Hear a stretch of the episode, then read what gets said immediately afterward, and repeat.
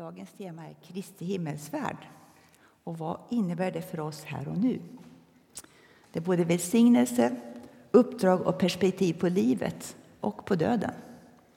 Idag har jag varit med om barnvälsignelse, när Jesus välsignar barnen. Vi ska också vara med om nattvard, när Jesus välsignar oss i nattvarden. Jesus välsignar, välsignar lärjungarna i dagens bibeltext om himmelsfärden. Och Jesus välsignar oss här och nu att leva i detta perspektiv. Innan själva predikan ska jag säga någonting om mig och predikan kommer nog bli lite personlig också. Else-Marie varför i all sin dag står jag här som inte är pastor? Jag är församlingsmedlem, lever och kämpar med brister i mitt tillvaro med att vara en Jesu lärjunge. Okej, jag har lite teologi, teologiutbildning på Örebro Missionsskola för att bli missionsarbetare i Japan. Jag valde dock bort allt som hade med predikokonst att göra för jag skulle inte bli en talarstolsmissionär, hade jag bestämt mig för. Men jag måste säga att det har varit en utbildning som betytt väldigt mycket för mig. Jag vill säga det här, jag vet vi har många som utbildar sig här också. En gedigen grund i Bibeln, att få en helhet i livet. Det andligt och mänskligt är sammanflätat, även det akademiska. Och det vår kallelse är, att leva i gemenskap med Jesus Kristus oavsett vart vägen bär. För mig har den vägen inneburit eh, en slags pendling mellan Japan och Sverige och att livet som anställd missionsarbetare i Japan och senare som universitetslektor i socialt arbete i båda länderna varit samma liv för mig. Olika villkor, men med samma livsinriktning. Att vara med och bygga Guds rike, att förmedla Jesus. Och just i morse när jag kom hit så mindes jag för kanske 20 år sedan en väldigt speciell person som hade mycket svårigheter i livet. Hon ringde mig en dag på östgötska, som jag vet inte om jag kan härma, och sa Hör Else-Marie, är du fortfarande med i Jesusfrämjandet? Det har varit en påminnelse, tänker jag. Är jag med och främjar Jesus i mitt liv? Det har funnits kvar sedan dess. Ett av många vittnesbörd som berört mig det är så att vi påverkas av, av andras vittnesbörd mycket. Men det var faktiskt en person som heter Nils Arne Kassberg som varit Regional Director i Unicef och även chef i Unicef. Han berättade om han, hur han som ung i en kristen ungdomsgrupp hörde om behoven i världen och kristnas roll att vi i vårt missionstänk även kan tänka stort, större. Vi kan se Guds rikes möjligheter i att arbeta i och med olika organisationer, till exempel även FN. Under missionsskoletiden landade det i mitt hjärta och hjärna att rättvisefrågor ligger nära Guds hjärta, att det ligger på Guds hjärta. Jag är så tacksam för att det tänket finns integrerat i Evangeliska frikyrkan som vi tillhör i det missionsarbetet. Att profetiskt arbeta för mänskliga rättigheter på ett strukturellt plan, förutom i direkt hjälparbete. Det ingår i Guds mission, Missio Dei, som vi hörde om på EFKs kongress. Vi påminns om detta idag och det kommer kopplas till dagens predikan också. Och om bredden i vad det är att förkunna evangeliet. Det goda budskapet om Jesus. I ord och i handling. Idag en hälsning från, från Bulgarien och senare får vi också höra en hälsning från Mongoliet. Så påminns vi om bredden i det här uppdraget.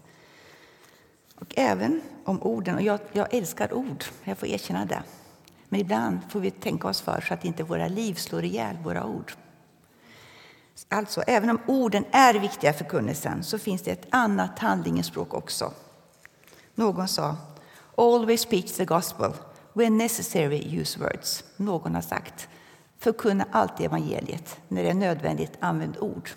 Vi talar på många sätt. Profeten Amos skräder inte orden om Guds passion för rätt och rättfärdighet i världen. Social omsorg, diakoni, att arbeta för mänskliga rättigheter. Jag tycker mig känna Guds hjärtslag där, att Jesus är där. Han som gick omkring, förkunnade Guds rike. Han gick omkring och gjorde väl och hjälpte människor under sin tid på jorden och satte också ner foten i helig vrede när det, var, när det så behövdes. Nu är vi hans händer, fötter, mun, ögon, öron. Kristi kropp på jorden, som det står i Bibeln. Och det var min inledning. Nu vill jag att vi stillar oss i bön inför Guds ord. Gud, öppna våra hjärtan och liv för ditt ord. Vi ber i Jesu namn. Amen. Nu läser vi från Lukas evangelium, det 24 kapitlet. Jag tror det kommer upp på väggen också. 46, verserna 46 till 52. Jag ska se om jag har samma översättning. Det är i alla fall samma bibel.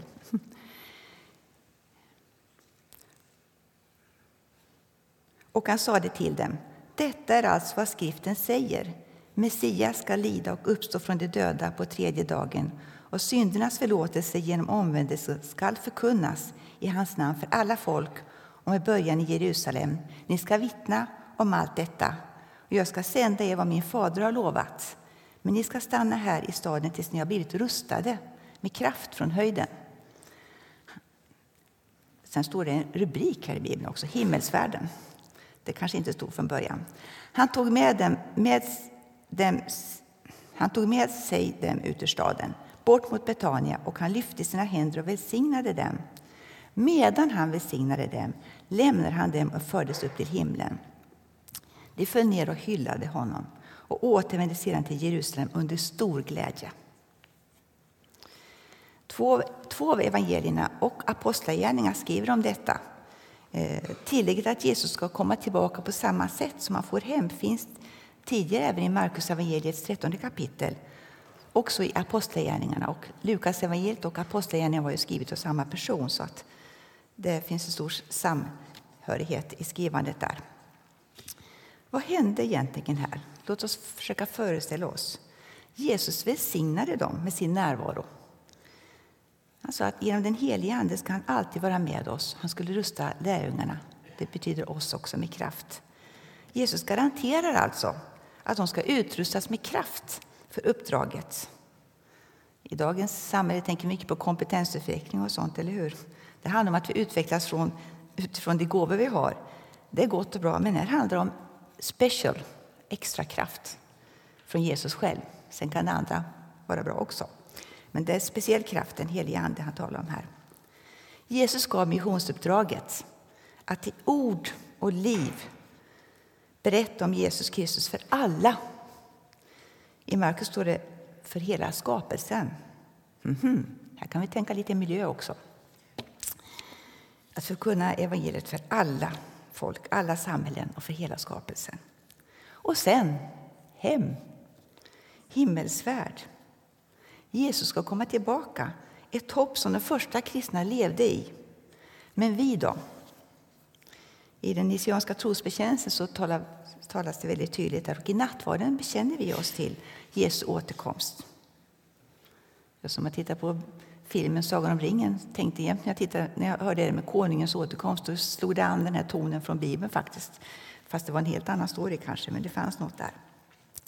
Men kanske att dessa tre aspekter, välsignelsen, uppmaningen att berätta i liv, det vill säga i handling, attityd och ord om Jesus, att vi är pilgrimer på väg hem, är en inriktning på livet som är sammanflätat.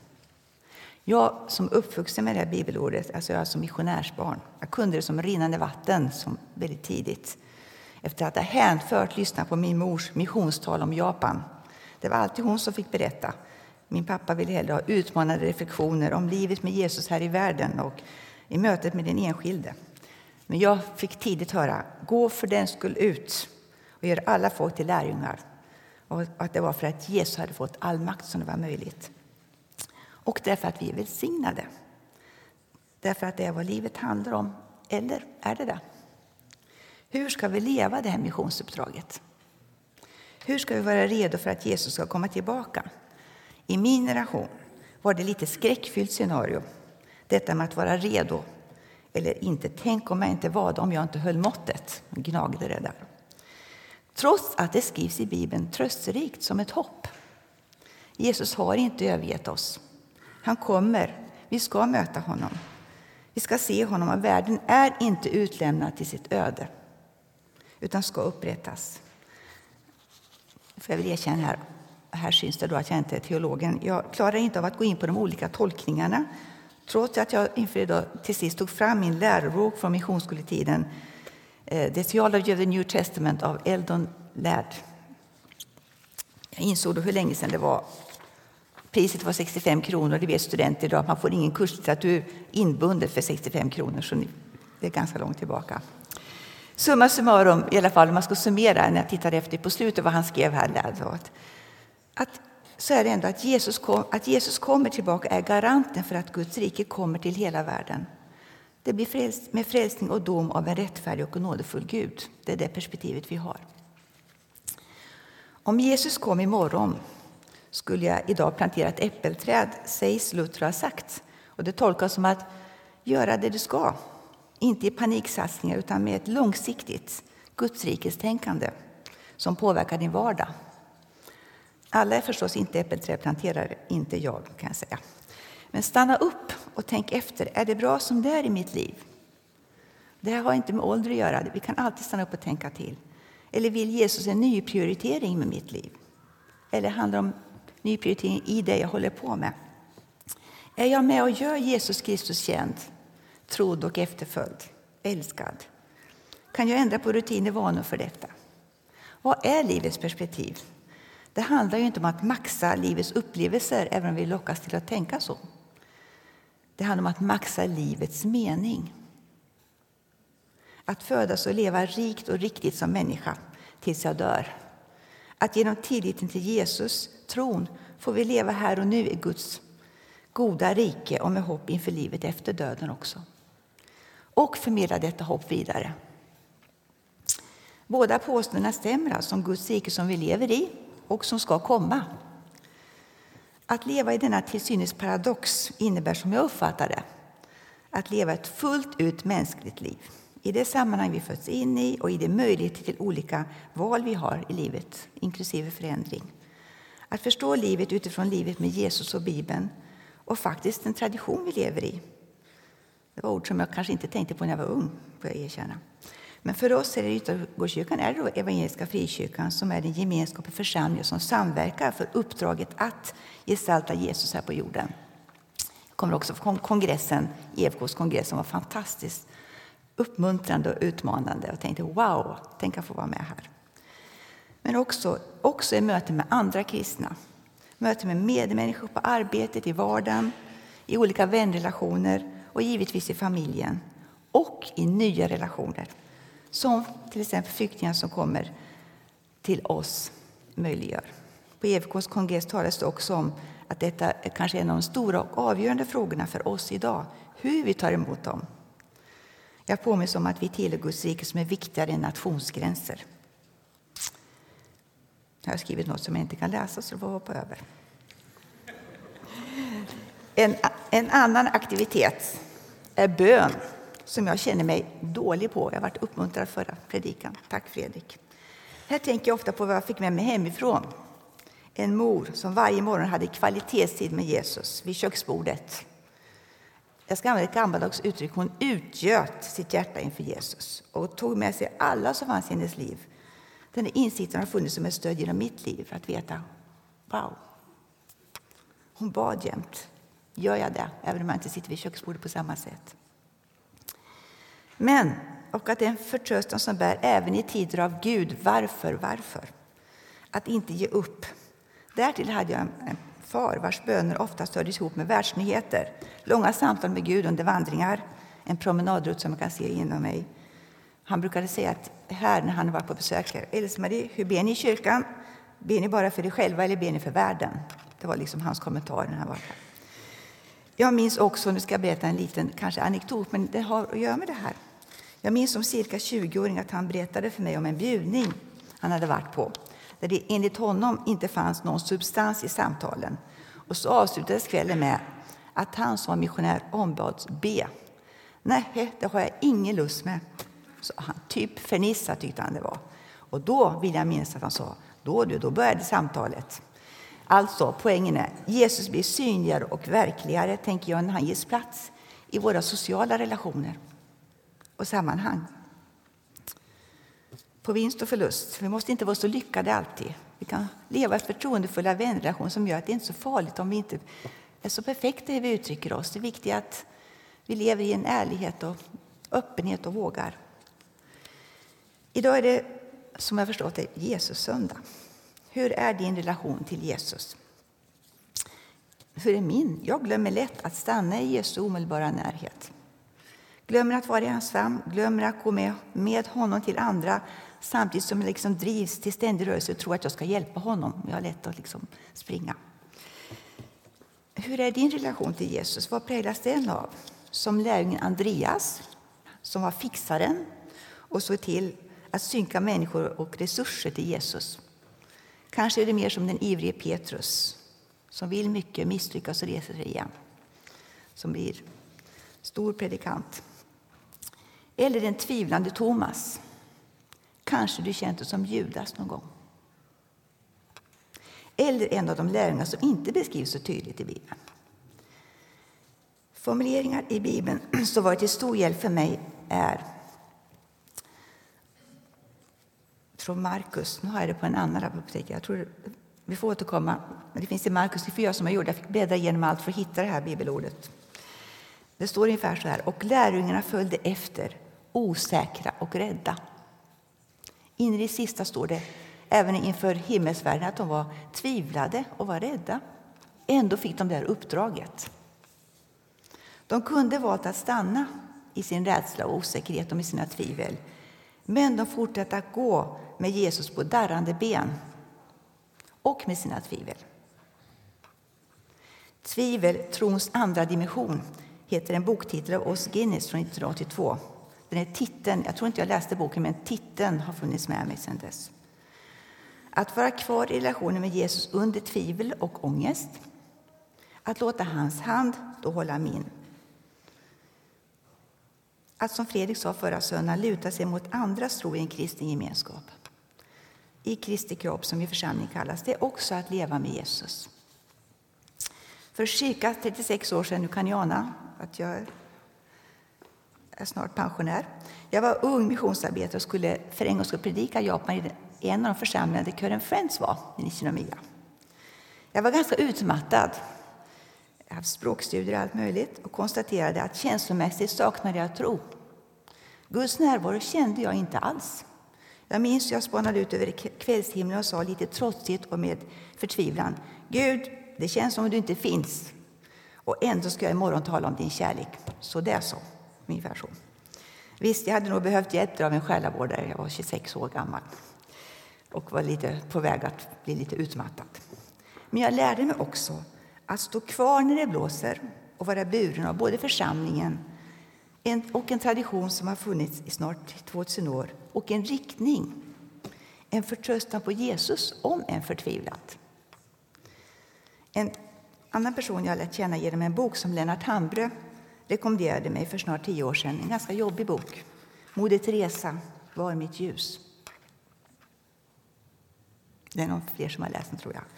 Hon av alla som så utstrålar Jesu kärlek för de mycket utsatta på Kolkattas gator. Vi känner henne, vi känner till henne.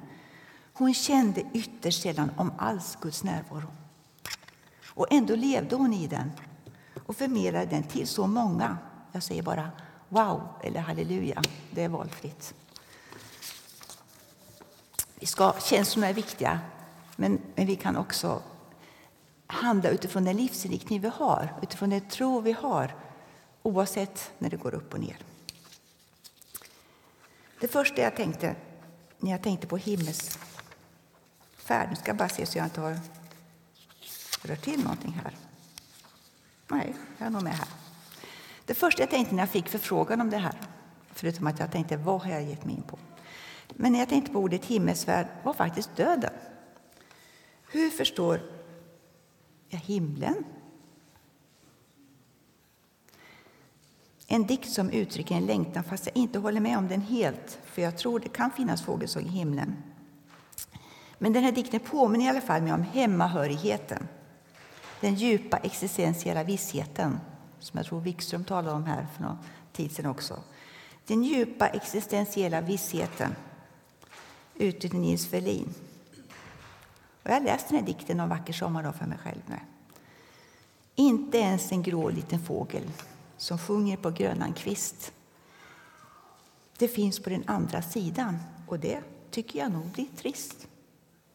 Men den vackraste dagen som sommaren ger har det hänt att jag längtat dit. Vad gör denna längtan med dig och med oss?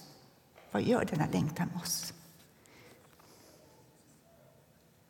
Påminner om den djupa tillhörigheten i Guds rike.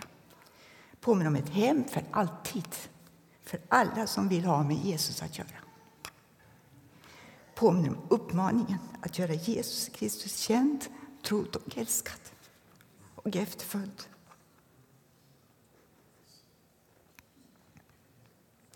Påminner om att leva som om himlen har landat. Guds rike med godhet och rättfärdighet och kärlek är ju här, mitt i ondskan. Och en dag, en dag ska... Jag hade inte skrivit tårar här, det bara kom.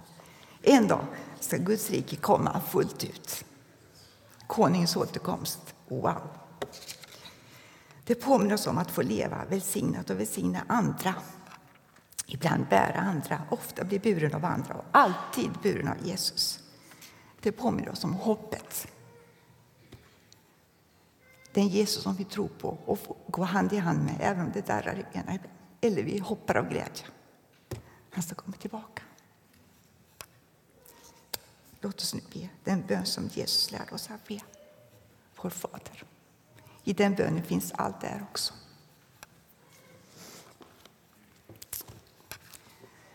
Vår Fader, du som är i himlen. Låt ditt namn bli helgat. Låt ditt rike komma. Låt din vilja ske på jorden så som i himlen. Ge oss idag det bröd vi behöver och förlåt oss våra skulder. Så förlåter dem som står i skuld till oss. Och utsätt oss inte för prövning, utan rädda oss från det onda. Ditt är riket, din är makten och äran i evighet. Amen.